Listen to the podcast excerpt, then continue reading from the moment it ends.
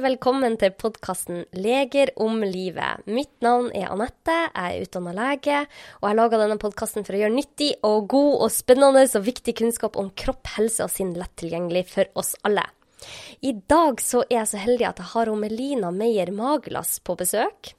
Hun er gresk-norsk tidligere profesjonell danser og langrennsløper.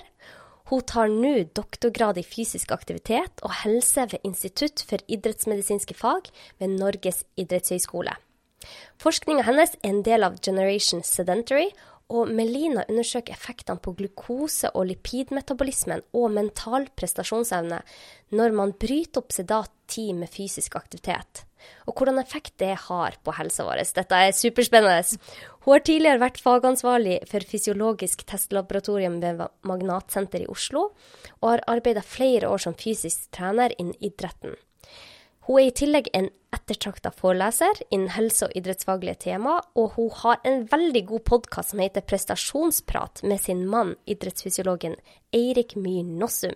Hjertelig velkommen, Melina. Tusen takk, Anette. Veldig koselig å få være her. Ja, Det er så hyggelig. Nå har du tatt turen eh, fra der du bor, til Fornebu. Ja.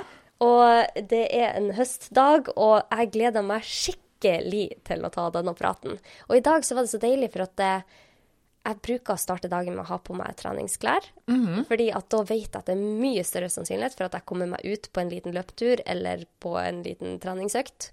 Og så tenkte jeg kanskje jeg kan ha det på meg når jeg treffer Melina. For at jeg tror du òg går mye i treningsklær. Det var helt korrekt. Vi sitter her i hver vår yogatights, tror jeg. Så vi er en meget uh, casual samling her. Å, jeg elsker det. Ja, altså, som jeg sa, jeg vurderte å sende en melding om at uh, jeg kommer veldig uh, avslappet kledd. Det er både fordi jeg er høygravid, men òg fordi det er sånn jeg går mye til vanlig. Det er litt kodeksen på Norges idrettshøgskole. Der kan du dra frem skjorta og blazeren, men det er òg mye treningstøy i gangene. Og det høres ut som en veldig fin kultur der du jobber? Absolutt. Det er, eh, det er jo litt sånn interessant når instituttleder sitter liksom klar i spinningtøyet og gjør unna de siste mailene før han skal eh, ta seg en økt på sykkelen, og det, det er kulturen. Ja, Så dere har kultur for at dere kan trene i arbeidstida? Ja, det har vi. Vi har vel et sånn visst antall timer per uke som jeg ikke er oppdatert på, fordi det Man styrer jo mye selv, men, eh, men det er absolutt det er jo et tilbud til de ansatte Eh, flere ganger i løpet av uken med forskjellige aktiviteter, løpegrupper og yoga. Og så har vi jo fantastiske fasiliteter da, med svømmebasseng og treningsrom. Og, så det er jo egentlig få unnskyldninger for oss som er ansatte på Norges idrettshøgskole, og også med marka rett utenfor kontoret, til å ikke være i noen form for aktivitet. Men det skal sies, vi sitter mye på rumpa. Vi ja. gjør det. Så ja. det er bra vi har disse fasilitetene. Og det skal vi snakke om, ikke sant? det å bryte opp eh, sedatet ja, altså det å sitte på rumpa hele dagen med litt aktivitet. Men bare, mm. før vi går inn på det, så må jeg bare berømme dere for å ha en sånn kultur. For hadde alle arbeidsplasser skjønt hvor mye mer effektiv man blir, man blir klarere i hodet, man får mer kreativitet altså det å være aktiv i mhm. løpet av en arbeidsdag er jo bare til gode for absolutt alle. Det er det, og jeg merker selv òg de dagene jeg får en økt på morgenen før jeg starter arbeidsdagen, eller at uh, dere vet liksom når den post lunsj-knekken kommer, sånn ja. i totiden. Ja. Da hjernen bare føles litt ut som grøt, og så skal du egentlig prøve å være effektiv de siste timene på jobb. Da har jeg bare funnet ut at nei, da må jeg kanskje bare gå og trene litt istedenfor, da. Fordi nå gjør jeg ikke mitt beste arbeid, og så kan jeg komme tilbake med ny energi, og så gjøre mitt beste arbeid. Ja. Og liksom få en god utgang på dagen istedenfor at man ja, forlater liksom kontoret og kjenner at man er helt peisa i hodet. Som sikkert veldig mange gjør, da.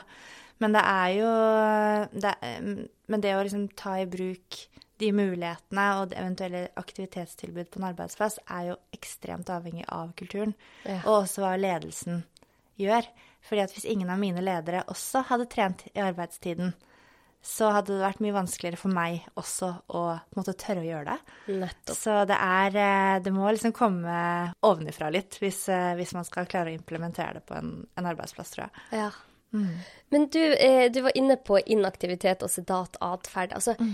eh, det er så mange spørsmål jeg har her. For at eh, jeg, selv om jeg er hverdagsaktiv, og jeg har jo to gutter som gjør at jeg må gå rundt og løpe rundt, så sitter jeg veldig mye. Mm. For mye av jobben min er å sitte og skrive eller redigere eller eh, spille inn episoder. Altså, jeg sitter mye i løpet av dagen. Mm. Mye, altså Sitter vi veldig mye, vi nordmenn? Vi sitter veldig mye. Vi sitter vel rundt sånn ni-ti timer for dagen. Eh, nå husker jeg ikke de siste tallene. Det har jo kommet en ny kartlegging for ikke så veldig lenge siden eh, på hvor aktive vi er og hvor, hvor mye vi sitter. Eh, men sånn gjennomsnittlig eh, så sitter voksne mennesker mer enn ni og en halv time per dag. Og det er utenom det vi ligger i senga? Ja. altså Du kan jo tenke deg da ikke sant, det er, det er så, så, er det så mange muligheter i livet vårt for å sitte i ro. Vi sitter jo som regel og spiser. Eh, og det er jo fint, fordi det er mange gode mekanismer med å sitte rundt et bord og, og spise, og ikke liksom ta maten på farten. Eh, og så sitter vi i transport, og så sitter vi på kontor eller på den jobben vi har, for å få den jobben gjort. Mm. Og så, kom, ja, så sitter vi liksom rundt i alle måltider, og så sitter vi jo som regel også en del på kvelden og ettermiddagen. Så det er veldig mange muligheter for å sitte. Ja. Men sånn som du beskriver deg selv, Anette, så eh, da kan det nok være at du liksom faller inn i den kategorien at du er en fysisk aktiv sedatperson. Okay. fordi da, kan, da, har du nok en ganske mye eh, sedat tid, fordi at du, det er sånn du får jobben gjort. Ja. Eh, det er liksom det er sånn, sånn yrket ditt eh, er utformet. Men så Eh, tror jeg. Eh, slik jeg i hvert fall Nå har jeg tatt en tur, fått gått gjennom huset ditt og sett litt kettlebells og litt sånn support på veien og sånn, så da tenker jeg sånn Her er det noen som sannsynligvis møter anbefalingene for fysisk aktivitet. Da er du jo per definisjon fysisk aktiv. Og hva er anbefalingen? Ja, Det er jo at man skal være fysisk aktiv i 150 minutter på moderat intensitet per uke. Som jo for mange er litt sånn svevende greie. Ja, det, det er veldig svevende. så enten det, og moderat intensitet, det er jo, hvis jeg skal beskrive det så, sånn subjektivt, så er det jo liksom det at du føler at du, du, du, gjør et stykke arbeid og noe du kanskje ville kalt for trening. Du føler at du tar i med det, noe du kunne holdt med veldig lenge. Mm. Um, og man blir god og varm i kroppen, og du kan kjenne deg lett andpusten, men du kan snakke og kommunisere med andre rundt deg. Så det er en sånn Jeg liker å si at det er behagelig anstrengende. Ja. Det er ikke sikkert alle syns det før man er vant til det, men etter hvert så kan det være en type intensitet som blir behagelig anstrengende. Er det rask tur, eller må man løpe da? Det kan absolutt være rask tur. Um, det kommer an på liksom hva slags fysisk form man har i utgangspunktet. Mm. Men uh, for veldig mange så vil det være å gå tur med, med litt tempo. Og så er det nok ganske mange som kommer opp også i den intensiteten når man gjør husarbeid, faktisk. Det kommer an på fysisk form, da. Ja. Eh, når man går i trapper. Eh, det er derfor vi anbefaler sant, å ta trapper og gjøre sånne små mikrosteg i hverdagene. Fordi man kan samle opp disse her anbefalte minuttene med fysisk aktivitet eh, gjennom dagen og uka. Det er jo ikke sånn at man må gjøre det en time sammenhengende eller i ti minutter sammenhengende. Sånn var anbefalingen før. Ja. Man måtte gjøre ti minutter. Ja. Og det er liksom litt vanskeligere for folk å sette av ti minutter, selv om det er lite og kort. Ja. Men da vet du at det er ti minutter du må bruke til bare puste og pese litt. Og hvis man ikke føler man har interessen eller tiden i arbeidsdagen, så bare forsvinner jo det ut. Så nå er det mer sånn 'every movement counts'. Det er jo anbefalingen fra helse, Verdens helseorganisasjon. Ah, kult. Ja, Så det, det betyr jo at det er mange muligheter også i hverdagen for å samle opp disse aktivitetsminuttene. Så akkurat på samme måte som det er mange muligheter for å sitte i ro. Fordi at du kan velge å ta trappen, du kan velge å bære handleposene dine selv hvis du går på butikken fremfor å bestille maten på døra. Det er mange valg man kan gjøre som gjør at du naturlig kan få inn mange aktivitetsminutter som er viktig for helsen på sikt, da. Ja, og når man vet det, altså det du sier nå, Melina, tror jeg er veldig motiverende. Det var i hvert fall det for meg når jeg lærte dette at disse små minuttene har noe å si. Mm -hmm. Og de har ganske mye å si. Så blir jeg motivert til faktisk å gjøre det. Sånn som jeg kan finne på eh, nå, og det ville jeg aldri gjort for fem år siden, er at når jeg sitter her oppe i tredje etasje og skriver, så bare løper jeg to ganger opp og ned trappa, ja. og så setter jeg meg ned igjen. Og det er sånn musikk i mine ører. Det er ofte kanskje ikke mer som skal til heller. Nei. Og du kan tenke deg det akkumulert over flere måneder og flere år at du gjør den aktiviteten. Det blir ganske mye til sammen ja. Eh, sammenlignet med at du ikke hadde gjort det i det hele tatt. Uh, men før så hadde jeg trodd at det ikke hadde noe å si. ikke ja. sant? Da hadde jeg tenkt at det, men det, jeg blir jo så vidt andpusten. Mm. Men nå vet jeg at der, de der mikrosekundene der, eller ja. de mikrominuttene, er kjempebra. Det er det. Det er veldig bra. Og, og så er det jo også noen som uh, kanskje F.eks. hvis man pendler da, og bor langt unna, at man har veldig mye stillesittende tid fordi man har mye transport. og mm kanskje man ikke har noen barn man løper etter, eller en hund man går tur med, eller, eh, eller er liksom skrudd sammen helt sånn som deg, da, at man finner på å løpe opp trappene sine opp og ned, så blir det veldig mye stillesittende tid. Og eh, det er vanskelig sånn praktisk for folk å få samlet opp disse 150 minuttene. Det er jo tross alt en liksom betydningsfull tid i uka, da. Mm. Så kan man også bytte ut det med 75 minutter på høy intensitet. Men det fordrer jo da at man puster litt mer. Altså, man, ja, for hva vil det si, høy intensitet? Mm, da har du Du kan si eh, kanskje én til tre setninger mens du holder på med en eller annen aktivitet, ja. men du har kanskje mest lyst til å ikke gjøre det. At du liksom konsentrerer deg mest om å puste. Eh, så det blir liksom hakket over behagelig anstrengende, og da er det anstrengende. Um, og 75 minutter er jo også egentlig relativt mye. Ja. Uh, så jeg tror nok en kombinasjon Dette er bare jeg som sitter og tror. men en kombinasjon av både lav, høy og moderat intensitet, det er kanskje det beste for oss. For da vil vi jo treffe uh, de si, systemene i menneskekroppen på litt forskjellige måter, med variasjon. Og det er jo også positivt for kroppen, fordi ulike intensiteter kan gi ulike effekter på menneskekroppen. Å herregud, dette må vi gå inn på, for det syns jeg er superspennende. Mm -hmm. Og forskjellen på styrketrening og kondisjonstrening. Ja. Sånn her syns jeg er kjempeartig. Men, men, før vi går videre, så må jeg bare spørre, så hva er forskjellen mellom inaktivitet og sedat livsstil? Ja, Det er et veldig godt spørsmål, uh, og det er fort gjort å blande de. Ja. Inaktivitet det betyr at du per definisjon ikke kan, klarer å oppfylle helsemyndighetenes anbefalinger for fysisk aktivitet. Så hvis du verken klarer å oppnå 150 minutter på moderat intensitet per uke eller 75 minutter, eller en blanding av de to, ja. så er du per definisjon inaktiv. Okay. Men du kan uh, være en person som er um, Ja, og det må jeg også legge til. Det betyr jo at det å være inaktiv, det er noe som kan endre seg ut fra hvordan vi definerer det. Ja.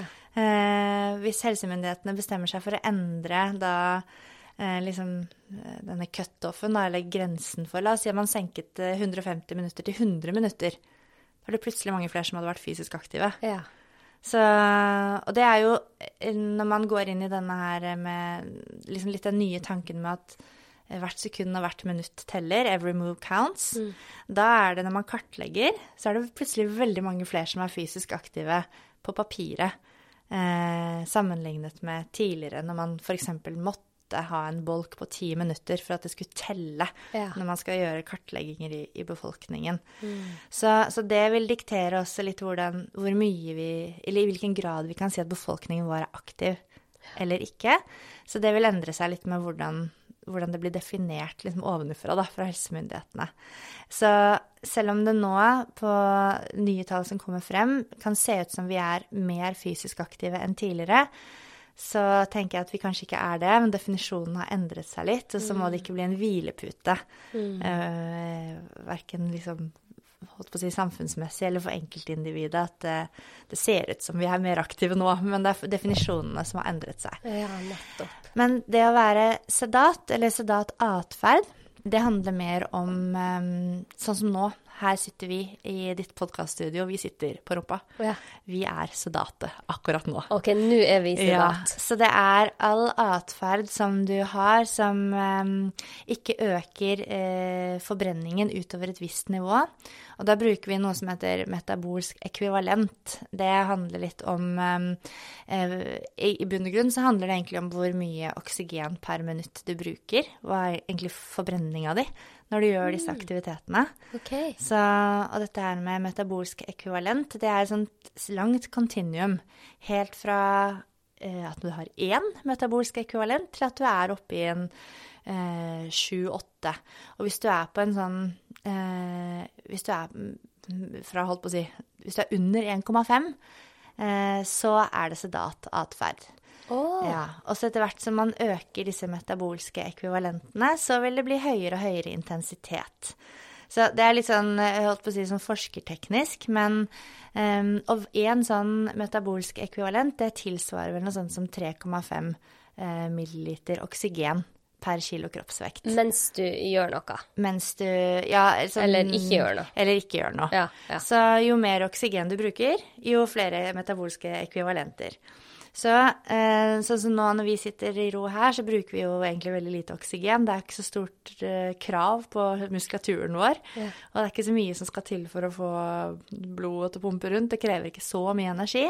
Så vi er eh, ut ifra den liksom, fysiologiske mekanismen, eller definisjonen, mener jeg, um, så er vi sedate per nå. Så det å ligge i ro, uh, sitte, lene seg, um, det er sedat atferd. Mm. Men idet du reiser deg opp, Eh, fra sittende til stående så øker jo energiforbruket. Bare ved å stå? Bare ved å stå. Det lite grann. Og så er det litt omdiskutert om man skal kalle det eh, sedat atferd eller ikke. Så veldig ofte i litteratur nå så blir det å stå, f.eks. ha heve-senkepult, at du reiser deg opp og står, så går du fra sedat atferd til stasjonær atferd. Okay. Og det er eh, veldig lite forskjell i energiforbruk, sånn egentlig. Mm. Men da krysser man liksom en sånn fysiologisk grense fra det å sitte og stå. For det krever jo litt mer energi å få pumpet blodet rundt og få det opp til hjernen og ikke sant, Alle, alt som Og bare det at du må bruke litt mer eh, skjelettmuskulatur til å holde deg oppreist. Det gir jo en endring i, i, forbrenningen. Så da er du ute av sedat Sånn som definisjonen er per nå, så er du ute av sedatatferd idet du reiser deg opp og står og jobber, f.eks. Vil du anbefale å stå hvis man kan av og til, eller tror ikke du det har noe særlig å si? Det kommer an på hva man ser det i forhold til. Um, i forhold til, eh, eller med tanke på de parameterne som jeg forsker på, som handler om lipid, metabolisme, insulin, glukose, den biten der, så har man egentlig ikke sett noen forskjell i forskningen til nå. Det er ingen spesielle fordeler av å reise seg opp og stå og jobbe istedenfor. Okay. Eh, og det, det har nok litt med at det ser ut til at vi er nødt til å ha eh, en aktiv skjelettmuskulatur hvor du har store muskelgrupper som gjør eh, muskelkontraksjoner repetert og litt større utslag. Og da er jo ditt eksempel med å løpe litt opp og ned i trappene ja. helt perfekt. Så det er liksom det som må til for å få en endring i eh, substratbruken, da, fett og karbohydrat, og hvordan eh, kroppen eh, benytter seg av insulin og glukose osv. Det må liksom noe mer til enn bare å stå. Men eksempel hvis man tenker på eh, muskel-skjelettproblematikk, som er jo ekstremt utbredt og plager veldig, veldig mange. Ja. Så det å endre arbeidsposisjon, reise seg opp, sant uh, Endre kanskje litt sånn høyde på PC-en, høyde på stolen. Har man hevet senkepult, så tror jeg da Og dette blir jo også igjen med tro, men da tenker jeg at det er jo veldig positivt med endring av arbeidsposisjon ut fra et ergonomisk perspektiv. Ja, og jeg tenker jo òg det at man får jo en ganske dårlig holdning når man sitter mm. lenge. Blir sånn fremskutt nakke ja, og Man får en helt annen holdning når man står. Mm. Så, Samtidig så er det jo også jeg, husker ikke helt hva det uh, fenomenet heter, men uh, jeg husker et eksempel fra sånn veldig tidlig fysiologiundervisning på, på bachelor eller et eller annet. Vi skulle lære om sånn hemostatisk trykk og endringer i trykk, da. Og da fikk vi servert et eksempel med gardister som står og står og står, og står, og så svimer de av. Ja. Hvorfor svimer de av? De står helt i ro, og blodet samler seg i beina. Ja, ikke sant? så det er liksom man, Det trenger ikke gå eh, Det er jo litt ekstremt eksempel, ja. men man trenger ikke gå sånn helt ekstremt til verks. Eh, jeg tenker i hvert fall at eh, endring i posisjon er positivt. Ehm, vi i vårt prosjekt, det kommer vi sikkert mer inn på, så ser vi jo litt på noe som går på liksom det vaskulære. Vi ser på blodtrykk. Men eh, det er jo andre prosjekter som undersøker hvordan blodårene oppfører seg når du mm. går fra stående til sittende, og blodårefunksjonen i seg selv. Og den ser man jo at blir veldig mye dårligere veldig fort eh, okay. når man sitter i ro. Og da endrer på en måte endotelet, som er det glatte cellelaget i blodårene seg, det endrer funksjonen sin. Men idet du reiser deg opp, så kan man jo få en forbedret endotelfunksjon. Så, og det, det, det, er jo veldig sånne akutte endringer som kroppen er spesialist på å gjøre. ikke sant? Ja. Stå versus sitte og sånn. Ja. Så det kan godt tenkes at ved Hvis man ser på sånne vaskulære parametere, at ja. kanskje man kan finne noen noen fordeler ved å, å stå mer. Ja. Eh, men det er ikke så Det er tidlige dager da, i denne avbryte stillesittingsforskningen. Så det er ikke liksom noe å banke i bordet med, men det er jo en mulig teori, da. Men når du snakker om metabolsk ekvivalent, mm. hva vil det ha å si for helsa vår? Hvordan hva, hva, Hvorfor bruker man den parameteren? Eh, det handler vel egentlig om bare at man prøver å liksom lage seg noen kategorier for intensitet, sånn at eh, forskjellige institusjoner, forskjellige land, forskjellige organisasjoner kan snakke om det samme på den samme måten. For det er mange måter å måle energiforbruk på. Ja. Så det er jo egentlig det det handler om. Det handler egentlig bare om energiforbruk. Og da kan du si hva har energiforbruket å si for helsen? Ja. Eh, og da kan man jo gå egentlig veldig mange retninger, retninger med det. Alt fra vektnedgang til Som ikke jeg holder på med i, i min forskning. Men, men, energiforbruket sier noe om arbeidsintensiteten per tid. Ja. Og den sier igjen noe om hvordan du belaster kroppen din, eller ikke belaster kroppen din. Og kroppen er såpass eh, tilpasningsdyktig, heldigvis, at den svarer både akutt, men også over tid på den belastningen eller ikke-belastningen den blir utsatt for. Ja. Så vi bruker det egentlig for å si noe om energikostnaden på kroppen ved å gjøre en gitt aktivitet. Og hva, Burde vi ha et snitt her? Er det noen sånn, sånne retningslinjer på metabolsk ekvivalent? Eh, nei, det er egentlig ikke det. For der kommer vi tilbake til det som, var, som er enklest kanskje for folk å forholde seg til. Og det er Det tror man jo er dette her med at prøve å treffe på disse 150 minuttene, da, okay. med behagelig anstrengelse. Så jeg tror ikke man skal liksom trenge å gå noe mer inn i et metabolsk ekvivalent enn det. Okay. Men det er egentlig bare en faktor som skal si si oss noe om eh, oksygenopptaket ja. i den aktiviteten du gjør. Men jeg liker jo å måle oksygenopptaket sånn på ordentlig, ja. så det er jo kanskje litt mer presist, for det varierer jo fra individ til individ. Det har jeg så lyst til å sjekke en gang. Ja, men det, det, må du bare komme på idrettshøyskolen og gjøre. Skal ja, jeg kommer. jeg har en Garmin-klokke, men jeg skjønte at de er ikke så eh, gode på å finne ut VO2 max. Nei, jeg skulle nesten ønske at de hadde bare latt være å ha med den parameteren, for den er dessverre til ganske sånn mye frustrasjon og mye sånn Man forklarer veldig mye hvorfor den ikke klarer å estimere oksygenopptaket så, så presist, da. Men det er greit å eh, vite. Ja, så det er kanskje andre ting i, i Garmin-klokka som er eh, viktigere å ta med seg enn akkurat den. Men fortell meg. Mm. Eh, Nå skal vi gå videre fra inaktivitet, men jeg må bare vite før vi gjør det. Mm. Hva er det som skjer med meg når jeg sitter mye stille? Hvis jeg sitter ni og en halv time om dagen, som er snittet, mm. hva skjer med kroppen vår? Ja, det er, eh, det er mye. og det kommer litt an på tidsperspektivet, da, hva som skjer og hvor mye som skjer. Men jeg skal bare, bare innlede med å si at man blir jo smått eh, ko-ko av å sitte og lese om alt som skjer med kroppen, og litt sånn kan lett bli litt sånn stressa. Jeg kan tenke meg at det er litt sånn som det har vært for medisinstudenter som leser patologi også, at man tror plutselig man har alle sykdommene. Ja, ja, ja, for det er, det er, rett og slett litt skremmende lesning hva som, som, akutt skjer med kroppen når man sitter i ro. Men man får jo, eh, gjennom at du får en nedregulering i eh, i selve energiforbruket, fordi det er jo ikke så stort krav på verken muskler eller oksygenopptak i noen eh, kapasitet, så vil man jo også få man får jo en nedregulering i hvilke eh, energisubstrater som man bruker. Og som regel når vi sitter i ro, så, ehm, så vil vi jo være i stort sett i sånn fettforbrenningsland. Eh, og, og, det kan jo i utgangspunktet høres positivt ut, men vi bruker jo lite energi, og for de som beveger seg eh, veldig lite, og kanskje mer enn man beveger seg mindre enn den energien man inntar, så vil man jo på en måte belaste um, holdt på å si, forbrenningssystemet sitt veldig mm. med, eh, med, måten det skal håndtere insulin og eller først og fremst glukose på. Ja. Eh, så det er jo det som, som en, har vært en stor greie kan du si, innenfor denne forskningen. Å finne ut hvordan, hvorfor eh, virker det som at glukosereguleringen blir så mye dårligere når vi sitter, og hvor mye dårligere blir den, og hva mm. kan vi gjøre for å um, gjenvinne en, en, bedre glukoseregulering.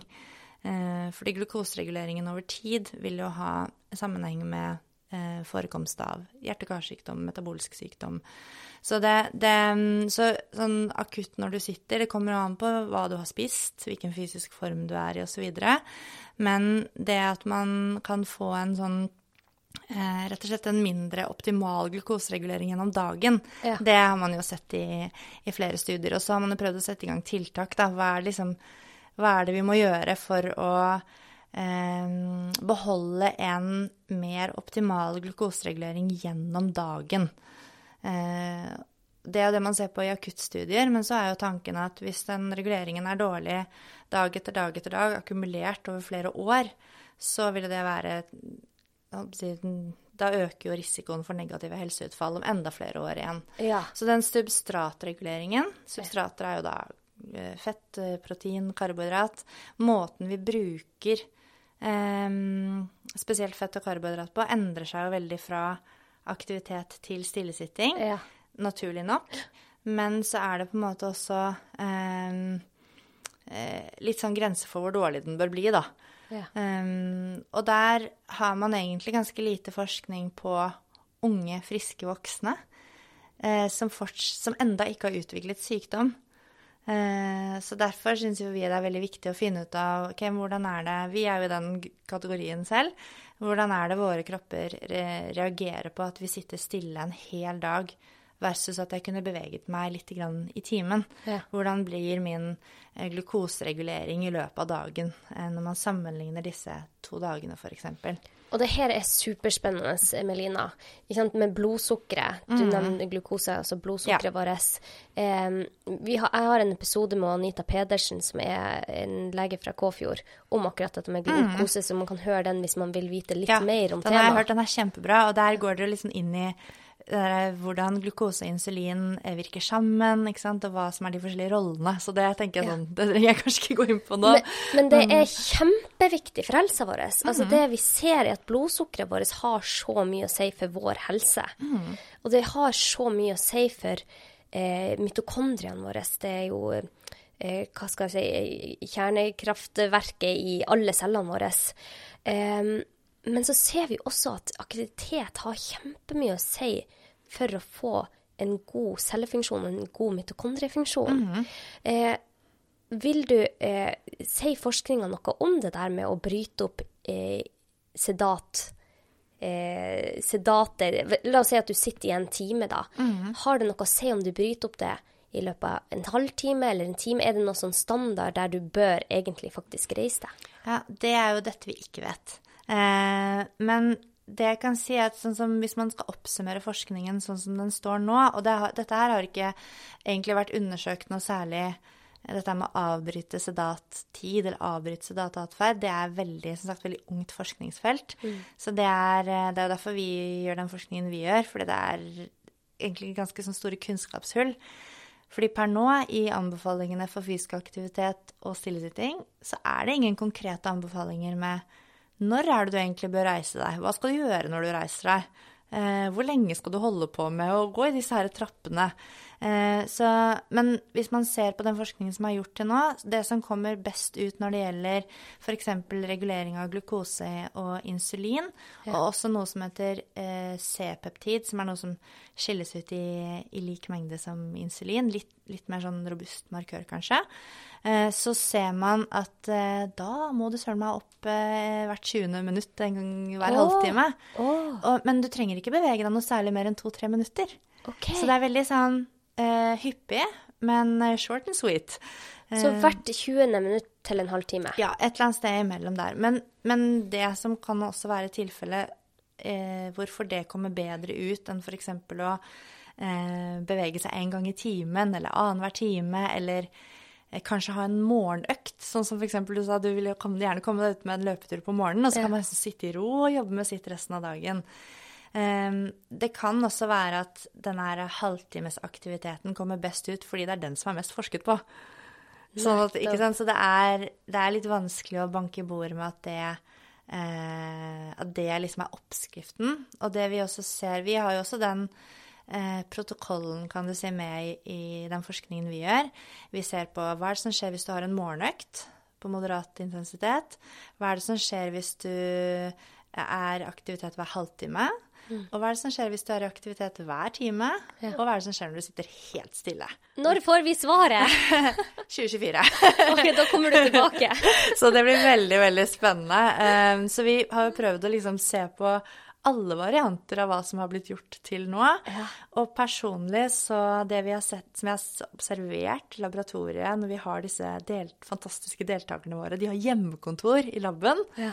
Og vi får måle masse ting på de. Ja. Eh, men det vi ser, er jo at det blir jo en veldig sånn avbrudd i den derre arbeidsflyten, ikke sant. At du mm. skal opp liksom og, og, å få i gang kroppen og gjøre et eller annet hver halvtime. Mm. Og mange har jo møter som varer lenger. ikke sant? Det, det er kanskje ikke så praktisk for de fleste. Um, men sitter du for deg selv uforstyrret, kanskje du studerer, så tenker jeg da kan det kanskje fungere bedre. Det er jo en sånn studieteknikk som heter pomodoro-teknikken. Okay. Som handler om at man skal jobbe i 25 minutter, og så skal du ta fem minutter pause. Som liksom skal være med på å holde konsentrasjonen høy. Ja. Så det er jo litt nesten en sånn måte å jobbe på. Men for mange så føler de nesten at de akkurat har satt seg ned. Du kom akkurat inn i det du skulle holde på med, og så må du opp igjen. Og så må du bryte av. Og vi vet jo det at og det har du sikkert kjent selv, spesielt eh, sikkert i liksom den ganske tøffe studiefasen som medisinstudiet mm. kan være, etter hva jeg skjønner. Det der med å komme inn i et stoff, det tar litt tid. Ja.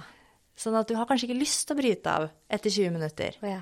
Så vi tenker jo at eh, den, den varianten kanskje er litt sånn vanskelig å gjennomføre for folk. Og personlig har jeg veldig tro på at det å skulle gjøre noe en gang i timen, ja. litt sånn top of the hour-tilnærming, eh, det er kanskje litt lettere å få gjennomført. For det nytter ikke hva vi forsker frem, så lenge ikke folk gjør det. Og så tenker jeg, eh, fordi veldig mange Altså, jeg kan ta meg selv i å sitte i tre timer av og til. Ja, ja. Man er helt i en flow, og man, tida bare flyr. Men kan du gi oss noen sånn konkrete ting. Hvorfor skal vi gidde å røyse oss opp hver time? Mm -hmm. Ja, det er egentlig ganske enkelt. Ja. Eh, fordi eh, når du sitter, så begynner egentlig kroppen Og du sitter lenge, da, ikke sant. Ikke når du sitter en halvtime et eller annet, åpenbart, men eh, når man har en stillesittende eh, livsstil, en stillesittende jobb, hvor det blir mange timer sammenhengende, så setter egentlig kroppen ganske fort i gang eh, degenerative prosesser, altså nedbrytende prosesser, hm. eh, som går på vev, det går på hvordan du bruker eh, disse energisubstratene. Altså eh, jeg kan ikke si at du sitter på stolen og forvitrer, for det blir kanskje å dra det litt langt. Men det er de Men, men hvis, du drar, hvis du akkumulerer liksom den atferden over flere år, så er det det som skjer. Det er det at du blir i stadig dårligere fysisk form. Så bare det med litt sånn mikroaktivitet, det er veldig viktig for å opprettholde den fysiske formen. Mm. Eh, og den fysiske formen, som jo er egentlig kondisjonstallet ditt, mm. VO2 max, ja. det er jo tett, tett sammenheng og god sammenheng med levetid og også fremtidige ut, sykdomsutfall, ja. eller ikke. Så, så, både for å, holdt på å si, eh, hjelpe kroppen til å holde de metabolske prosessene og den metabolske helsen god, så hjelper det å bare gjøre bitte, bitte litt. Hæ. Um, det er veldig motiverende, mm. og det er kjempebra. Og etter at jeg òg leste om lymfesystemet, jeg ja. syns det er superspennende. For blodsystemet vårt, det har jo eh, muskulatur som gjør at, kan, at, det går rundt av seg selv hele mm. tida gjennom hele dagen, ellers hadde vi jo dødd. Men lymfesystemet vårt trenger bevegelse. Ja, det er nettopp det. Og vi vet jo at lymfesystemet, så, altså immunforsvaret vårt, er så viktig for oss. Mm. Og da bare har jeg tenkt i, i mitt stille sinn at OK, jeg, jeg, ser, jeg, jeg ser, for meg at disse Eh, immuncellene bare sitter og får ikke kommet seg videre. du har litt rett i det. og det jo, Vi ser ikke på sånne cytokiner og sånne holdt på å si, inflammasjonsmarkører og ting som går på betennelse og sånn, men det er en del andre eh, forskergrupper som har sett på det. Mm. Og da ser man jo også at det er eh, økning i forløpere til inflammasjonsmarkører når man har mye stillesitting versus ja. å ikke ha det. Ja, eh, og så er det jo ikke alt med inflammasjon som er negativt, men, men i utgangspunktet så, så, ser man jo at eh, du har én type negativ atferd som har sammenheng, sammenheng, med negative helseutfall, mm. eh, i, i, samme liksom eh, forløp som inflammasjonsmarkørene også øker, i hvert fall mm. enkelte. Så det er jo noen sånne mm, eh, tankekors eh, som jeg gjør meg rundt det, med at eh, det som er fint når du beveger deg, så treffer du alle kroppens systemer samtidig. Mm. Eh, og så forsker vi bare på noen av de, og så er det noen som forsker på noen andre. Men, men hvis man prøver å se litt sånn, sånn bredt på det, så, så, gjør du deg selv på en måte en veldig god helsetjeneste ved å bare gjøre lite grann. Og så sitter jeg og sier nå at every move counts, og alt du gjør, hjelper og teller. Og det gjør det, men um, den forskningen som går på uh, observasjonsstudier, som, er, som jo man kan si mye om, men som er uh, Det fins noen En gruppe som har uh, ja, undersøkt liksom, hvor mye aktivitet er det egentlig som skal til da, for å fullt ut eliminere negative konsekvenser av stillesitting. Mm. Eh, og det er jo da eh, en forsker som heter e- Ulf Ekelund, som står i bresjen for det. Ja. Og eh, der eh, så de jo det at eh, man måtte opp i sånn 75 minutter per dag på moderat intensitet for å fullt ut eliminere alle negative effekter av stillesitting. Oi! Ja, og jeg driver ikke og løper rundt eh, i 75 minutter på moderat intensitet hver dag. Mm.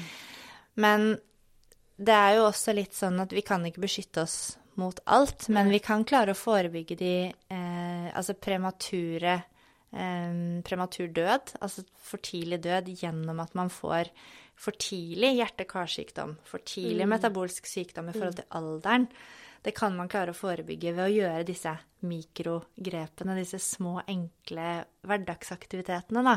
Ja. Så jeg tror det er utopisk å tenke at vi liksom 100% skal beskytte oss mot stillesitting og den, alt det negative som det kan føre med seg. Stillesitting fører også med seg mye positivt når vi stimulerer hjernen vår og vi holder på med mye annet. Så vi ser jo veldig sånn, og snakker egentlig veldig isolert om det nå, da. Så, men fra liksom fysiologisk perspektiv så, så, skal det jo mye til å liksom 100% helgardere seg mot all den stillesittingen som vi har, sånn som samfunnet har blitt og er utformet per nå, da. Men det jeg liker så godt, er Paretos lov. 20% innsats gir 80% resultat. det er nettopp det. Og jeg tenker at Hvis vi klarer å komme oss til 80% så er det kjempebra. Og når vi vet at det er så mange i den vestlige verden som går med lavgradig betennelse, mm. eh, og vi vet at stillesitting sannsynligvis kan bidra til å gi litt sånn eh, litt betennelse. Vi vet jo ikke helt eh, og fullt mekanismene bak, men det ser jo ut som det er en sterk sammenheng her. Mm. Så tenker jeg jeg blir i hvert fall motivert av å vite OK, det å røyse meg av og til kan kanskje hjelpe meg å ikke få så mye betennelse, ja. eller sånn lavgradig betennelse. Hvis du skal si det veldig sånn banalt og mm. enkelt og lite sånn forskeraktig, så rydder du liksom litt opp i kroppen ja. når du rører deg. Å, det er så deilig at du sier. så det er jo litt sånn opprydning.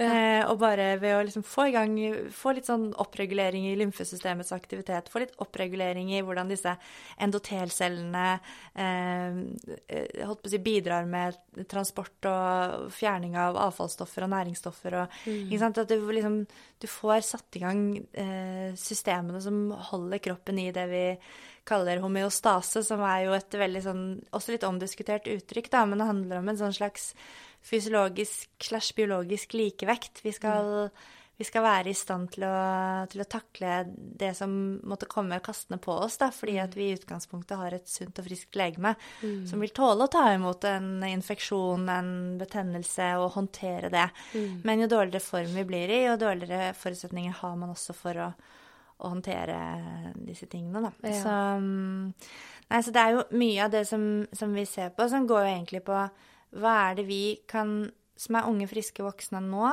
kan gjøre for å unngå å få arteriosklerose, åreforkalkning, for tidlig? Hva er det vi kan unngå for å liksom pushe folkesykdommene lengst så lengst langt ut i livet som mulig? For det mm. er jo eh, Jeg tenker det er jo veldig viktig det at vi har mange gode, friske og funksjonelle leveår.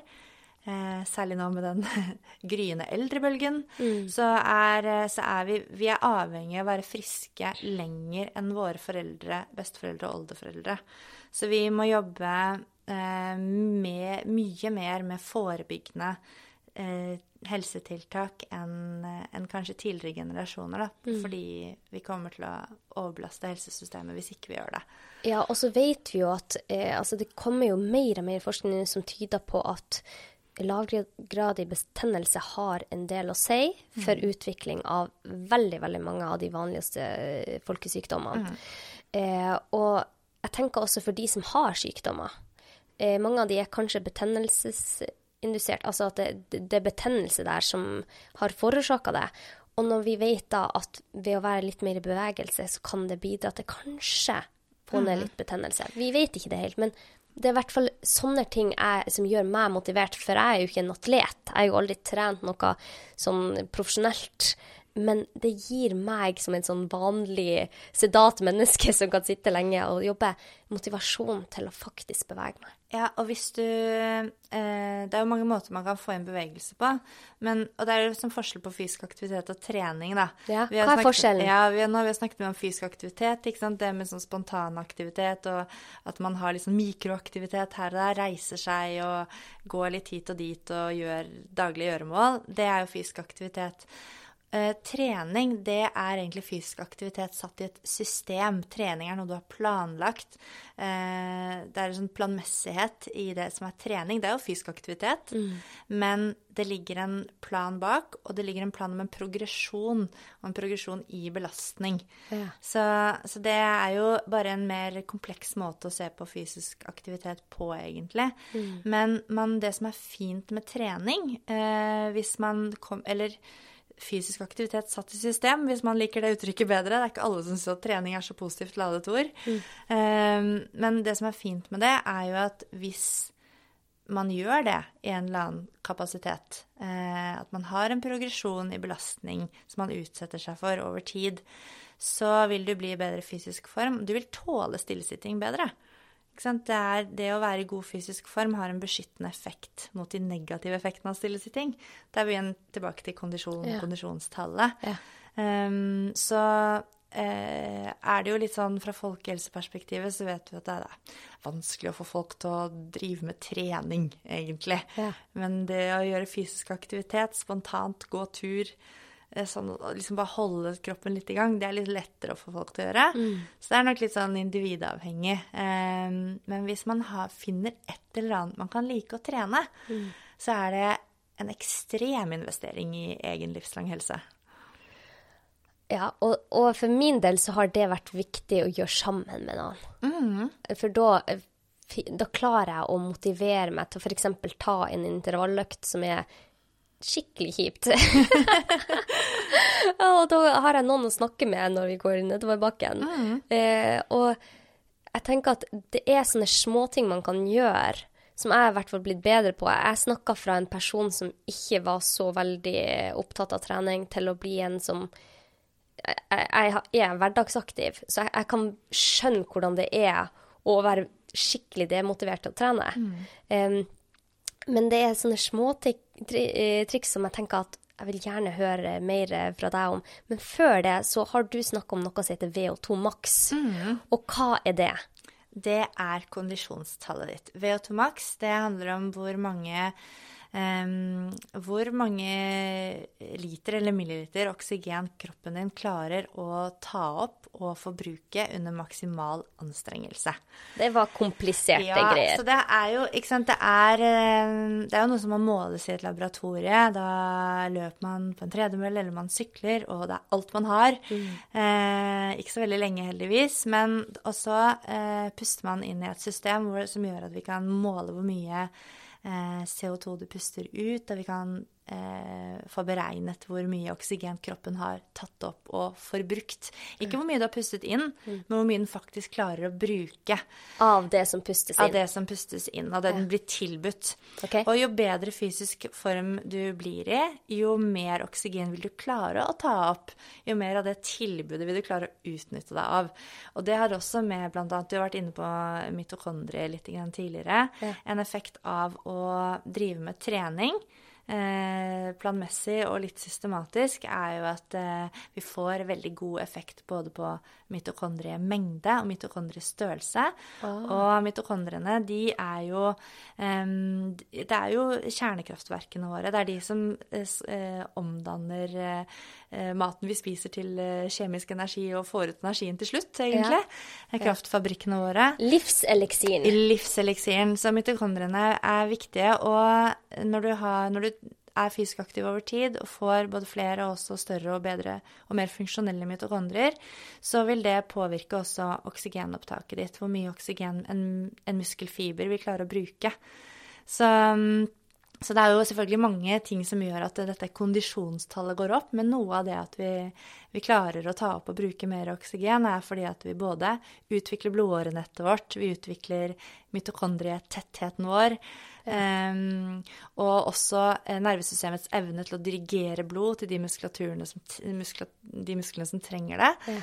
Så, så, det er veldig mye, mange mekanismer som kroppen lærer seg gjennom trening, som har helseeffekt. Um, og det kan være gjennom noe så enkelt som å gå opp og ned den samme bakken et par ganger i løpet av uka. det trenger ikke, Du er litt inne på intervall. Det trenger ikke være noen sånn avanserte, komplekse treningsmetoder. Treningen som skal til for å forbedre denne VO2 maksen, kondisjonstallet, det, den er superenkel, men mekanismene som foregår i kroppen, er jo veldig komplekse. Ja. Så, eh, men det som er viktig, og kanskje litt underkommunisert med kondisjonen, det er jo at kondisjonstallet ditt har en sterk sammenheng med levetiden. Det er faktisk den sterkeste enslige predikatoren for levetid etter at man har korrigert for antall år med røyking og glukose og insulin og blodfett og kjønn og alder og i det hele tatt. Lista er lengre enn det. Så det er en veldig sånn Det er en, en viktig helseparameter. Og så er det ikke sånn at vi kan forutse livet basert på hvor høy VO2 maks du har, men vi kan si noe om, kan si noe om hvor godt rustet det fysiologiske systemet ditt er, da. Um, altså, så det du sier her, at VO2 max er den viktigste predikatoren for hvor lenge du lever. Mm, du kan snu på det og si dødelighet, da. Dødelighet. Ja. Mm. Så det er kjempeviktig. Ja, det er det. Eh, det er, det er superviktig å ha mm. god kondisjon. Det er eh, i hvert fall å ha en kondisjon som eh, eh, det vi kan, som også er viktig å si om kondisjonen, og jeg skal si hvor superviktig det er da, i forhold til spørsmålet ditt, men den er VO2 maksen, den er også 50% genetisk betinget. Ok. Vi sier ofte at sant, hvis du vil bli verdensmester i en utholdenhetsidrett, mm. da må du velge riktige foreldre. Ja, ok. eh, men så må vi ta det litt mer ned på dagsnivå, og så er det sånn at det er sikkert noen som hører dette og tenker sånn ah, all is lost for meg, fordi mine foreldre de var verken sporty eller i god form eller Men det kan godt være at man ikke har vært i en kultur hvor det har vært eh, vanlig å være fysisk aktiv, at de iboende egenskapene du har for en gitt kondisjon, ikke har fått uttrykke seg. Ja. Så man må på en måte ikke se bakover i slekta altfor mye eh, på eh, en inaktiv onkel eller en inaktiv mor eller far, og liksom tenke at det ikke er noe vits fordi man ikke har foreldre i god fysisk form. Fordi du har faktisk en 50 trenbarhet. Ja, og det at noe er 50% trenbart, det er ganske mye. Det er masse. Ja, Så det er veldig mye du kan gjøre for helsen din ved å stimulere kondisjonen lite grann. Mm. Så eh, Og så, ikke sant, hvor er det viktig å ha så høy kondisjon som mulig, eller hvor går liksom grensa? Eh, jeg tenker jo at eh, det viktigste er kanskje at, man, at kondisjonen ikke faller. Ja. At man klarer å opprettholde sin fysiske form så lenge i livet som mulig. Mm. Eh, det kan være Og så vet vi at for hver milliliter eh, med oksygen Eller hver milliliter per kilo du veier, mm. oksygenopptaket ditt øker, for det er relatert til kroppsvekten også. Mm. Um, jo mer positivt er det for levetid, og også potensielle fremtidige sykdomsutfall. Så det er alltid en fordel å øke kondisjonen. Men mm. jeg tenker at det er litt, det er litt som med, Jeg vet det også kan være ganske, en ganske sånn vanlig tilnærming innenfor um, Eller for de som jobber med uh, overvekt, men spesielt fedme, mm. at et poeng er også ikke gå mer opp Ikke sant? Det er ja. ikke alltid bare å gå ned i vekt som er viktig, men det å ikke gå mer opp, det ja. er kanskje noe av det viktigste. Ja. Litt samme med kondisjonen nå. Liksom sørge for å holde deg, holde deg, der du er, og ikke bli dårligere. Ja.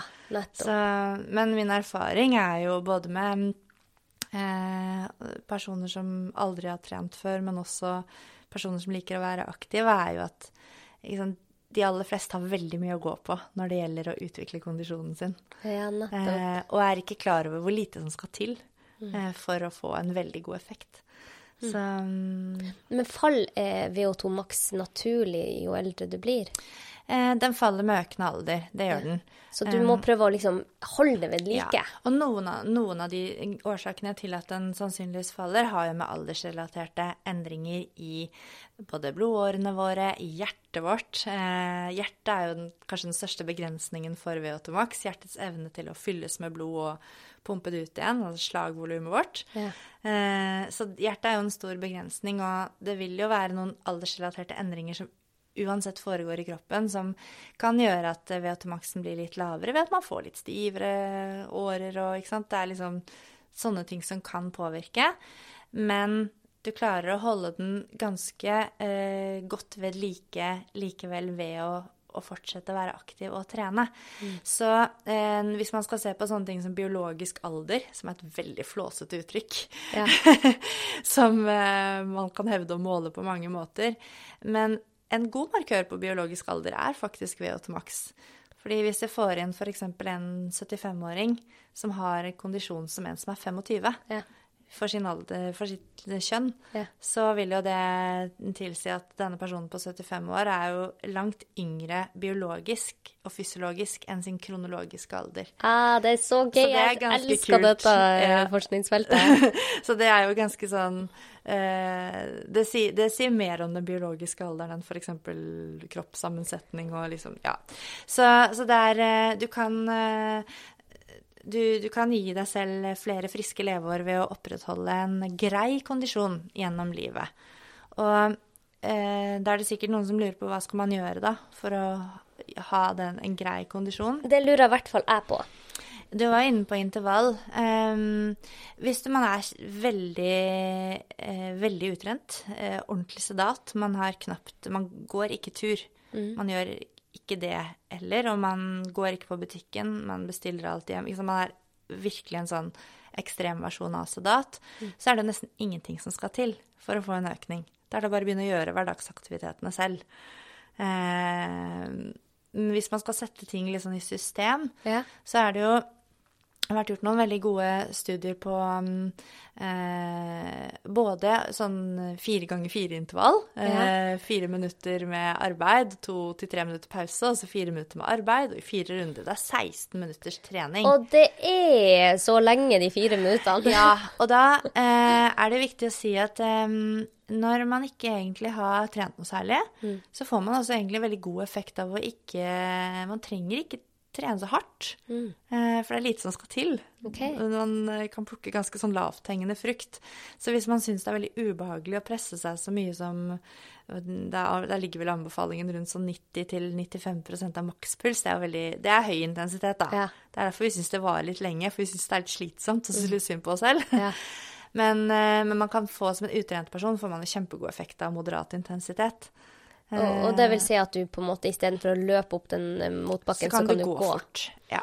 Og du, du, kjenner at hjertet mm. begynner å dunke litt. Og det som er litt spennende, er at på utrente så finnes det også eh, Jeg vet ikke hvor mye den studien er reprodusert, men det er i hvert fall en som, hvor man har sett på fire ganger ett minutt. What? Versus fire ganger fire hadde vært like god effekt. Nei! Så du kan jo trene i fire minutter, da. ok, ja, men det, det høres veldig så, bra ut. det er ikke sikkert du kan det, Anette, men, eh, men, men, hvis man er ordentlig i startgropa ja. Og det, det, er jo litt tilbake til dette med sånn mikroaktivitet, da. Ja. At det trenger ikke være mye. Men hvis du klarer å bli amp ordentlig andpusten i fire ganger ett minutt, mm. med rundt sånn to minutter pause, og gi deg selv en god pause imellom, da klarer man kanskje også å bygge opp motivasjonen til å gå på et nytt minutt. Så gir det veldig god effekt på hjerte-karhelsen, og det gir god effekt på VO2 max. Og så etter hvert som formen blir bedre, så må man kanskje gjøre litt mer. Og der kommer den planmessigheten med progresjon i trening osv. inn. Men eh, hvis man ikke har noen sånn spesiell interesse for å drive med trening, så tenker jeg da er det viktig at man finner noe som du kan holde på med over tid for å vedlikeholde mm. VO2 maksen. Um, og du vil Uansett, vi kan ikke beskytte oss mot alt her i livet, ikke sant. Det blir jo veldig sånn når man eh, undersøker stillesitting og de negative effektene det har.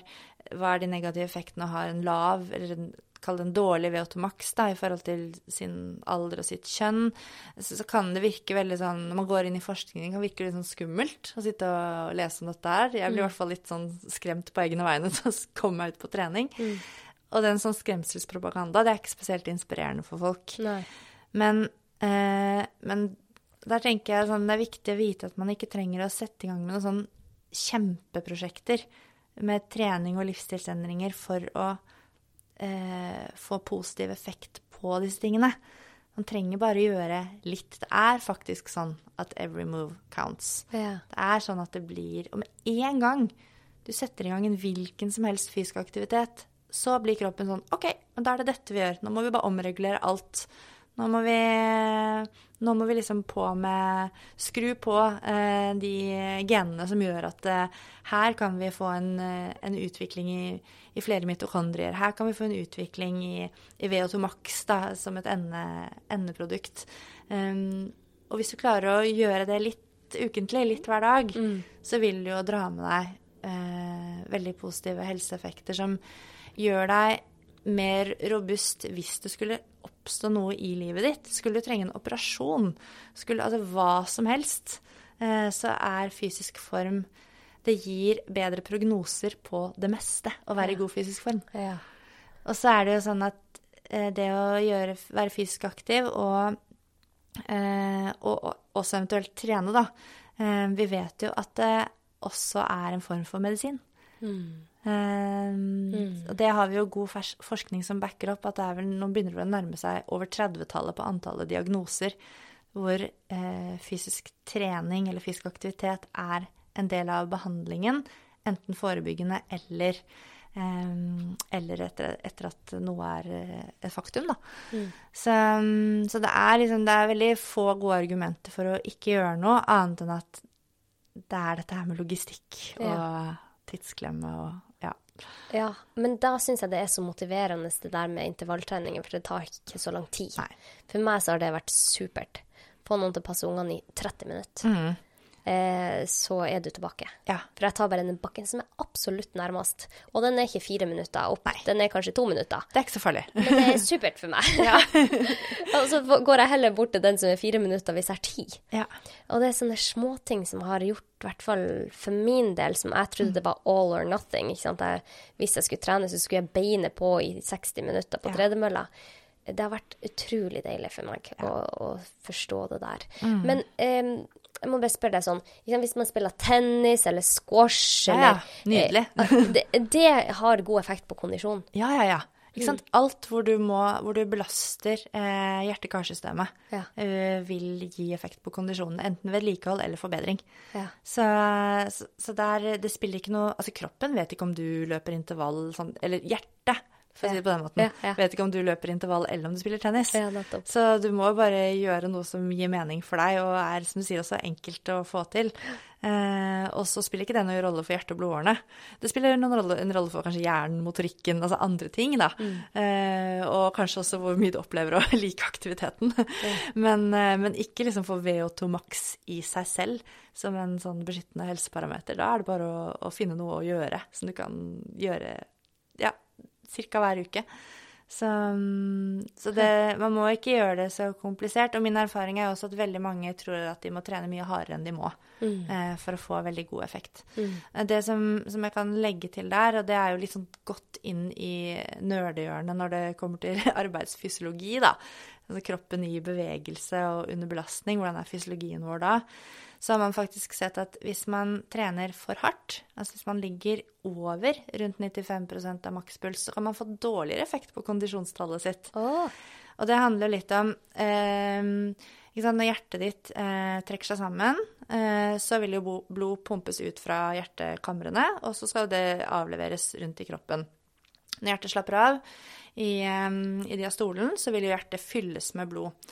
Og når hjertefrekvensen er så ekstremt høy, da, så når du kommer over rundt 95% av makspuls, er det ekstremt høy hjertefrekvens, ja.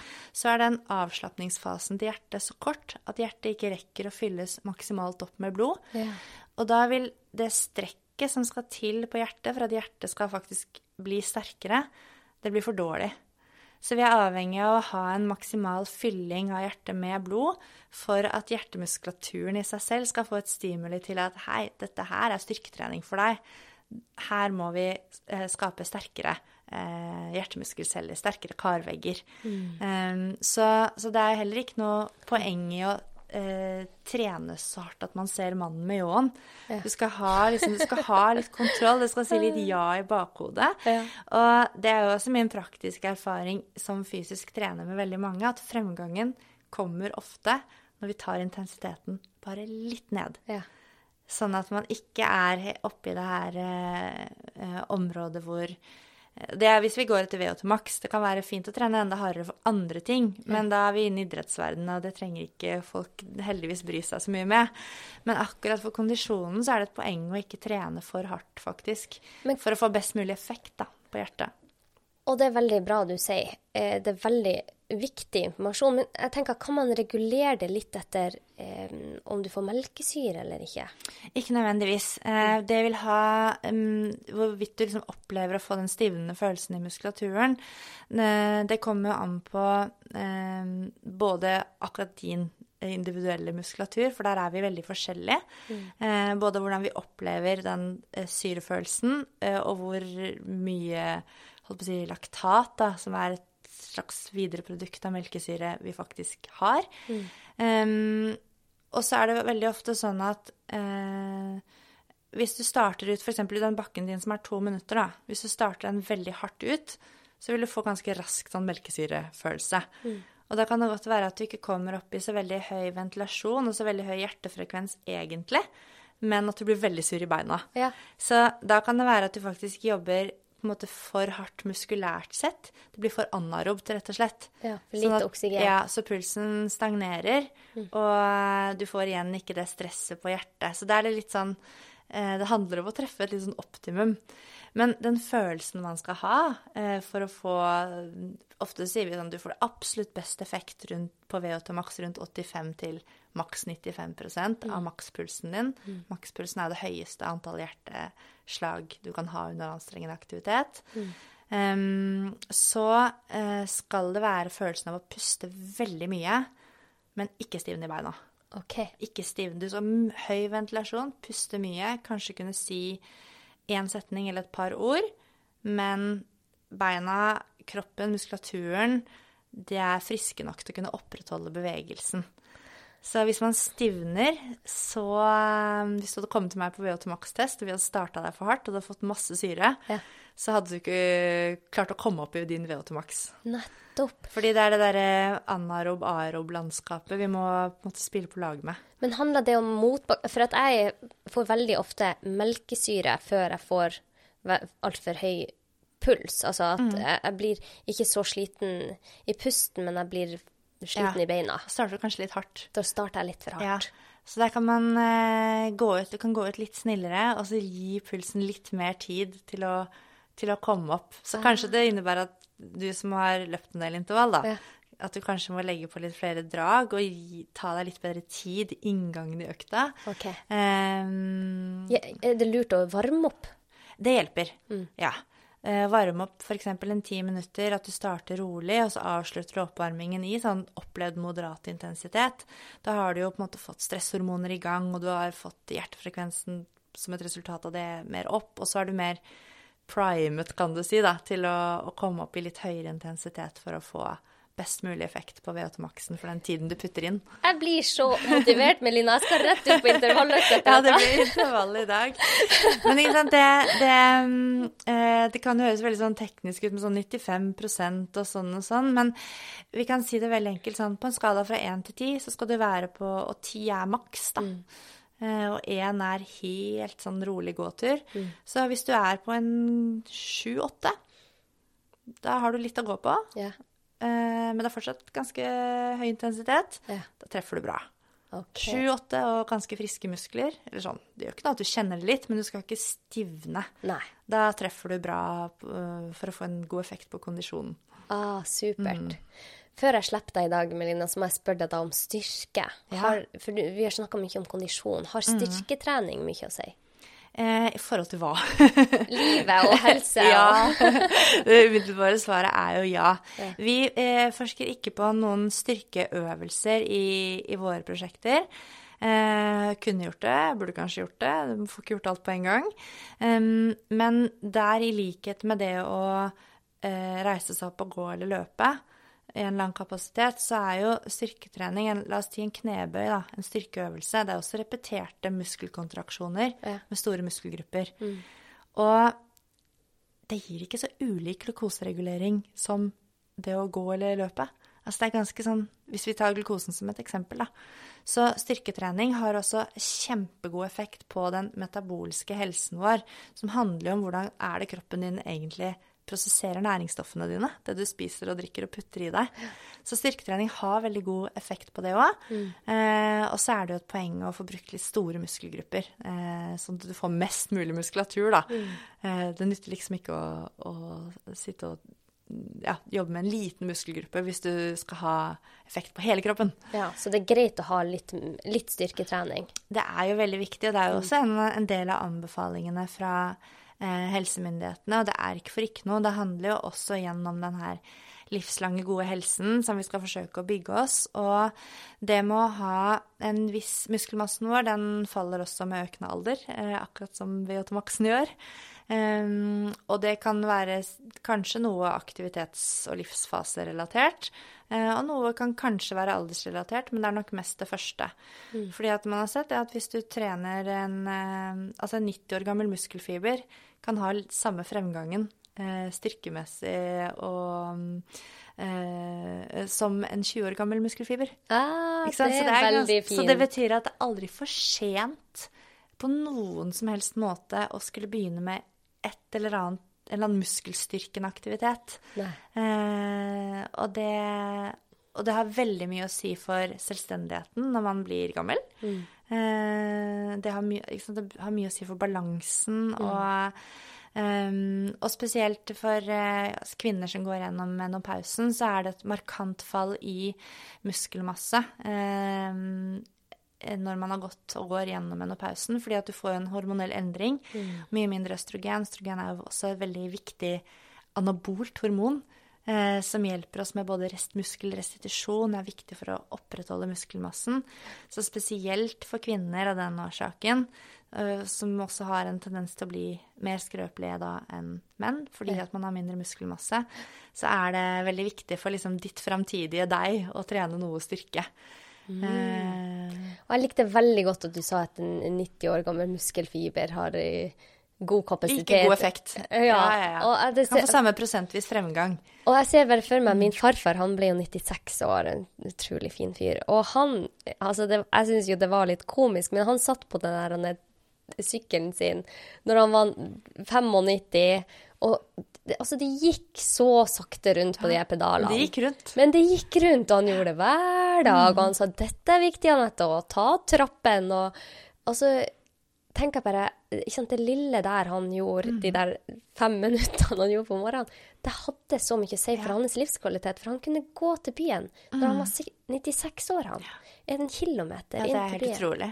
Eh, og for han vedlikeholdt muskelfibrene sine. Mm. Så sånne små ting har så stor effekt, og det ja. motiverer i hvert fall meg.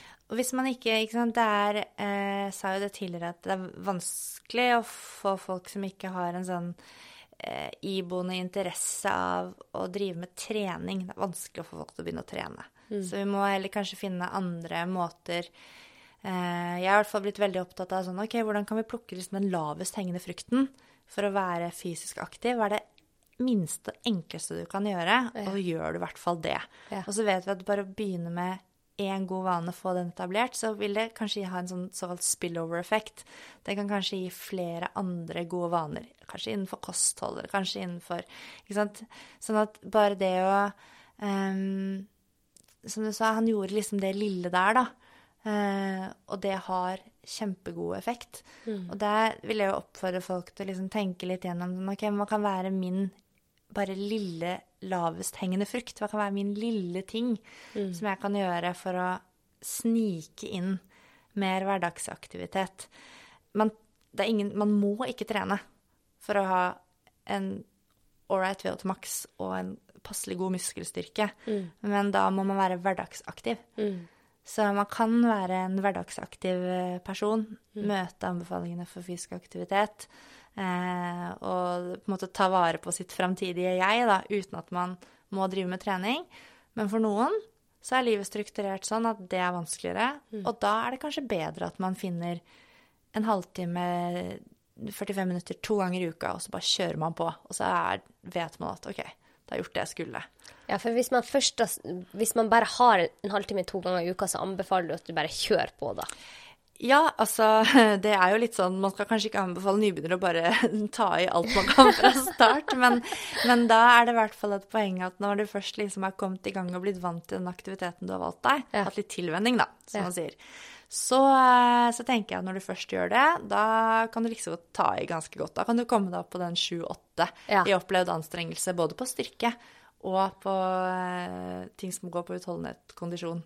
Ja. Ting som går på pust og ventilasjon. Så, så, og da får du ikke sant, du får mye sånn bang for your buck. Du får masse igjen for den tida du legger inn. Så, men, eh, men, der må man også kanskje spille litt på lag med, med dagsformen. Fordi at man kan få litt sånn, litt sånn Jeg vet i hvert fall erfaring at man kan få litt sånn dårlig og anstrengt forhold til det. Ja. Hvis man ikke sant, er, kjem, er liksom kjempesliten, slitsom periode, mm. kanskje spesielt mørketida, mm. eh, og litt sånn inn mot jul jeg at mm. mange får litt sånn knekken da og syns det er vanskelig å motivere seg til trening. Og i sånne faser så tenker jeg da kan vi se til hvordan de, de beste utøverne vi har i verden, da. Det de er kjempegode på, er jo å regulere etter hvordan føler jeg meg i dag. Mm. Eh, og det handler ikke om at man ikke ønsker å gjøre den treningen, men det handler om at ok, men hva er det som er bra for meg? Det går jo litt på det mentale òg. Hva er det mm. som er bra for meg å gjøre i dag? Og da er det kanskje av og til å ha en litt mer moderat økt, en litt roligere økt, men du gjorde i hvert fall noe. Ja. Og så kanskje neste uke så er du litt mer opp og nikker på den faste onsdagen din, og så kan du ta i litt mer. Mm. Så man trenger ikke være så rigid og streng heller med seg selv, tenker jeg, hvis man skal klare å holde en vane over tid. Ja, og altså når du sa det med mørketid, så falt jeg tilbake til når jeg var fastlege på Sortland, min hjemby. Og jeg hadde et lite barn på ett år. Ja. Og jeg jobba som fastlege, og det var veldig eh, mye å gjøre på jobben. Og så var det mørketid og slaps og vind. Mm. Og det jeg fant ut at jeg gjorde da For da var det ikke mye tid til trening. Da trente jeg veldig lite. Men det jeg gjorde, var at hver gang jeg fikk en ny pasient, så røyste jeg meg opp, gikk bort ja. og sa 'hei, velkommen'. Så jeg fikk liksom fulgt de helt istedenfor å stå ved døra og rope de opp. Ja, that's it. Eh, så fikk jeg bare noen få skritt ekstra mellom hver pasient. Uh, og det er sånne småting ja. som man kan få til, tror jeg de aller fleste får til. Det er et perfekt eksempel på sånn Hva er den lavest hengende frukten du kan plukke her nå? Ja. Og da gjelder det å tenke bare så enkelt. Ja. Så enkelt som det. Så, og man vil bestille Oda hjem på døren eh, fordi at man ikke har tid eller ork til å gå i butikken. Ok, da, liksom, da har du ikke den butikkdøren, men kanskje du kan gå eh, bort til kollegaen din og stille deg spørsmål istedenfor å sende e-posten. Ja. Ja, det er sånne ja, små ting. Og apropos dette med sosiale relasjoner òg, Det er veldig ofte så er det en del ting i jobbsammenheng, spesielt de som jobber i sånn kontorlandskaper og sånn, kan ta tak i hvor man både får gjort litt bevegelse, samtidig som man styrker den sosiale relasjonen fordi du gikk og snakket med noen, ja, istedenfor å ta telefonen en etasje opp. Så det er sånn småtteri, men hvis man zoomer ut og ser sånn fugleperspektiv på det, så vil det bli ganske mye bevegelse til sammen. Mm. Så Å, det blir jeg så glad for. Ja. Det varmer hjertet mitt at du ja, sier det. Vi har jo ikke snakket noen ting om liksom de mentale effektene av det her, men det er jo selvfølgelig viktig å bare nevne at eh, de effektene man får av fysisk aktivitet og eller trening, de har jo også viktige effekter på hjernen vår og den psykiske helsen vår. Det er jo fort gjort å liksom redusere ting veldig sånn til glukose og lipid og ikke sant, hva er det som skjer inni blodåret og sånn. Det er sånne ting som jeg holder på med. Ja. Men de fleste er nå kanskje mest opptatt av hvordan er det egentlig jeg har det. Ja. Så man, eh, man Veldig mange opplever seg jo bedre og mer motstandsdyktig mot stress. Og, mm. og, det er ikke bare en opplevelse, det er også fysiologisk forankret. Uh, det at man faktisk kan kjenne seg litt mer sånn hva skal jeg si, sånn on top of your game, da. Litt som en trygg. Tryggere litt, og roligere. Litt, litt bedre selvfølelse. Mm. For meg så merker jeg umiddelbar forskjell hvis jeg går perioder der jeg ikke får trent. Mm. Så det er så fint at forskning også viser det. Det er ikke bare en følelse. Nei. Det er noe som fysisk skjer. Det er jo kjemi og fysiologi, egentlig. Ja, ja, ja. Eh, men så er det også noe som Og det, det igjen vil gi deg noen følelser. Eh, så, så det er jo også Om man ikke liksom Eh, er så veldig opptatt av alt som foregår i blodårene. Det skjønner jeg er veldig vanskelig å relatere seg til. Du er kanskje en 28, og så skal du relatere deg til hvordan, hvordan skal jeg være når jeg er 88? Ja. Basert på hva jeg gjør nå. Det er ja. vanskelig. Ja. Sånn er ikke menneskehjernen egentlig skrudd sammen så godt. Nei, nei, nei. Eh, vi, vi, tar liksom det, det raskeste eh, vi får. Det raskeste dopaminkicket. Nærmeste dopaminkicket. Men det kicket får du jo også av å være fysisk aktiv. Og mm. det Derfor er det jo viktig å gjøre sånn som du sa, gjøre det sammen med noen. Mm. Det gir deg sikkert en, en mer sånn eh, holdt på å si dopamin- og serotonintriggende effekt at du gjør det sammen med noen, enn at du gjør det alene. Mm. Og det får, gir deg jo mer lyst til å gjenta aktiviteten. Mm. Så det er jo det er, det er, mye som kan bygges rundt trivsel òg. Eh, med hva er det du trives med å gjøre? Og da er det kanskje noen som må lete litt. Hvis man tenker at jeg har egentlig lyst til å trene, men jeg vet ikke hva som passer for meg jeg har, vil ha det som en hobby, men ikke, det er ikke løping og det er ikke styrketrening, det er kanskje noe annet, så må man kanskje være åpen for å prøve litt forskjellig, da. Ja. Meld deg på tennis, liksom, eller bare, ja, bare teste ut til du lander Curling. Curling, til du lander i noe du liker. ja, ja. Eller lander i et miljø du liker. Ja. Eh, Å, det er. Som er tilknyttet aktivitet. Så vil det gi veldig, eh, veldig sånn helhetlig stimulering på, på mennesket, da. Ja. Mm. Å, det har vært så fint å ha deg her, Melina. Det er så spennende det du driver med. Og jeg gleder meg så til du får flere forskningsresultater. Ja, vi er jo i slutten av datainnsamling, ja. så dessverre har jeg ikke noe å by på fra den hittil liksom største studien på stillesitting i Norden, tror jeg, eller noe sånt. Men oh, det, det, kommer, og da har vi jo sett på både dette her med hvordan Hva skjer med blodfettet ditt? Hva skjer med insulin og glukose? Og ikke minst, avslutningsvis, den mentale prestasjonsevnen har det noe å si. Så, så jeg tror det blir, eh, tror det blir spennende å, å, få lov å få dele litt resultater etter hvert. Nå går du inn i barselspermisjon. Etter hvert, så. Hvordan eh, har du tenkt å være aktiv i eh, permisjon? Du, jeg har jo allerede vært en runde med én perm før. Eh, og da var det mye sånn gange, rask gange og løping med vogn. Ja. Løp mye med vogn. Så jeg var en sånn en som løp rundt med barnevogn. Men jeg var også en sånn en som brukte ganske god tid på å komme i gang. Og der òg var det egentlig bare å pusle litt med aktiviteter hjemme. Ja. Eh, gjøre sånne milde, lette øvelser som var trygge for en som var akkurat født. Og mm. ta ting veldig gradvis. Og det er jo ikke noe annerledes for noen som ikke har trent før, men skal begynne å trene. Bare komme gradvis i gang. Og så mm før jeg visste ordet av det, så var jeg en som løp rundt med vogn. ja. så, og det skal sies, det, det, ble jeg i fantastisk god form av. Jeg har aldri vært i så god fysisk form som kanskje seks måneder etter fødsel. Oi, og jeg har jo trent hele mitt liv. ja, tenk så, det. Men man får jo litt sånn hormonboost da, av å ha vært gravid. Ja, ja, det er noen fordeler som kvinne der. Så Nei, så det er eh, Jeg planlegger en aktiv eh, permisjonstid. Og så, ja, som du også sier, man, man, blir, man må jo være aktiv når man har barn. Eh, eller man kan i hvert fall velge å være det, da. Mm. Så mm. da tenker jeg sånn Det er bare å komme seg i form, så jeg klarer å henge med på kjøret til to små gutter. Å, det er fint. Ja. Både du og din mann er jo veldig aktiv og mm. har masse å gjøre på jobben og har travle hverdager. Hva er det som gjør Hva er det som gir dere, eller hva er det som gir deg, en god hverdag? Ah, det er jo kombinasjonen av så mange ting, da. Eh, jeg føler nok at hverdagen er best når jeg føler jeg har kontroll. Mm.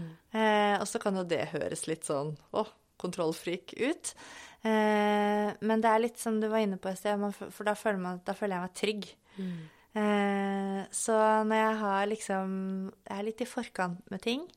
Eh, da, da, har jeg en god hverdag, for da er det ikke mange løse tråder og altfor mange baller i luften. Det blir ikke så mye stress. Så det handler liksom om å klare å holde en sånn god stressregulering. Mm. Og der føler jeg jo at jeg gjør det bedre når jeg har fått meg en økt på morgenen. Ja. Eh, og så er det Min mann er nok litt mer bedagelig anlagt der, som eh, Han er jo langrennstrener. Eh, han er ikke så opptatt av egne prestasjoner lenger, da, med andre ord. Så det er viktigst for liksom dynamikken og harmonien i vår familie at jeg får trent en økt. Fordi det har mye å si på mitt humør og hvordan jeg møter eh, familien min og så det er en sånn hack da, som jeg må bare Jeg må bare få trent, jeg, så er jeg ganske sånn avbalansert og blir resten av dagen og klarer liksom de fleste utfordringer på en strak arm. Er det ikke fint at man finner ut av sånne ting om seg selv? Det er veldig deilig, fordi da går det an å planlegge det inn. At ok, men hvis jeg bare får gjort dette, så kommer jeg til å føle meg så rolig og, mm. og bra at da, da preller liksom så mye av. Ja. Eh, Mer tålmodig. Ja. Det, så, så det, er, det er den der uh, lykkepillen, altså. Det å få litt bevegelse inn. Og nå som jeg er eh, høygravid og ikke så veldig mobil, så merker jeg og jeg også at det er veldig, veldig lite som skal til eh, for å få akkurat den følelsen. Mm. Så det er en kombinasjon av å få inn noe bevegelse, sånn at man får den roen innvendig, og den effekten det igjen gir på liksom trygghet og stressmestring. Da, mm. da, får jeg gode hverdager. Å, det er fint. Mm. Tusen takk for at du tok deg tid til å være med, Melina. Takk for at jeg fikk komme. Jeg inviterer deg herved tilbake i 2024. Jo, takk. Da skal jeg ha litt mer sånn uh hardtslående tall å komme med, kanskje. Se. Det er så spennende. Tenk at du driver med dette prosjektet. Da får vi gå litt mer inn i lipider og ting vi ikke har snakket om da. Superspennende. Jeg har òg veldig lyst til å snakke med deg om eh, Eh, kvinners syklus og trening. Altså, jeg har så mange ja, ting å spørre om. Da har jeg kanskje noen gjestetips til deg som er bedre enn meg. Å, så bra! Ja, så, så, her, hvis folk syns det er spennende med hva som skjer inni kroppen, så har jeg noen gode podkast-gjesttips til deg. Å yes, det skal jeg ta, og, mm. for det er mange av mine lyttere som spør om. Tusen hjertelig takk for at du ble med. Hvor kan mine lyttere nå deg? Eh, jeg er jo sånn ganske aktiv på Instagram. En av få forskere som, som har valgt det som mitt medium. Så der heter jeg Melina Magulas. Så der finner man meg. Så hender det jo jeg tweeter litt også, men under samme, samme navn. Men eh, jeg er nok mest på Instagram hvis man vil ta kontakt, spørre om noe hva som helst. Der kan man følge hun Melina. Mm. Og hvis dere syns denne var episoden var bra, og at du tenker at den er til nytte for noen andre, så ta og del den. Det er sånn vi får ut denne viktige og gode kunnskapen. Og eh, takk til alle dere som abonnerer. Og med det så ønsker vi dere en kjempefin dag. Håper du får inn noen mikrosekunder med bevegelse. Ha det godt. Ha det bra.